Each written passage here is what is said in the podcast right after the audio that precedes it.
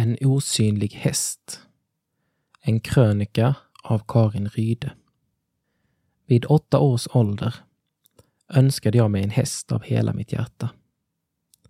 Tyvärr ville mina föräldrar inte ha en häst lika mycket som jag. Hur jag än tjatade fick jag ingen. När jag inte orkade vänta mer kom jag på en lysande idé. Idén var att om jag inte fick den hästen jag önskade mig så fick jag väl fantisera ihop en egen. Så blev den osynliga hästen Sotis en del av min vardag. Han var med mig när jag gick till skolan. Han stod i ett bås utanför vår dörr och han var en vän att prata med. Men om jag är helt ärlig kunde inte Sotis leva upp till det jag egentligen önskade mig. Ganska självklart, eller hur? Till slut sprack min fantasibubbla. Vi kan säga att Sotis rymde från båset på grund av överskottsenergi. Enda alternativet för mig var att återgå till en vanlig och hästfri vardag. Känner du igen dig?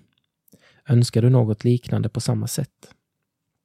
Vad vi än söker efter på jorden går ingenting upp mot den present Gud har gett oss. Den är gratis och till för alla. Presenten är att Jesus dog för dina synder, utplånade dem på korset och uppstod igen. Allt för att du ska kunna leva med honom och bli helt tillfredsställd av allt det goda som han har för dig.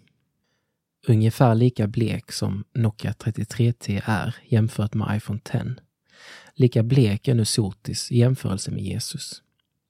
Nu har jag någon som är mer värd än allt i hela världen. Gud har gett mig Jesus och uppfyllt min djupaste önskan. Han mättar ditt begär med sitt goda. Saltaren 103, vers 5.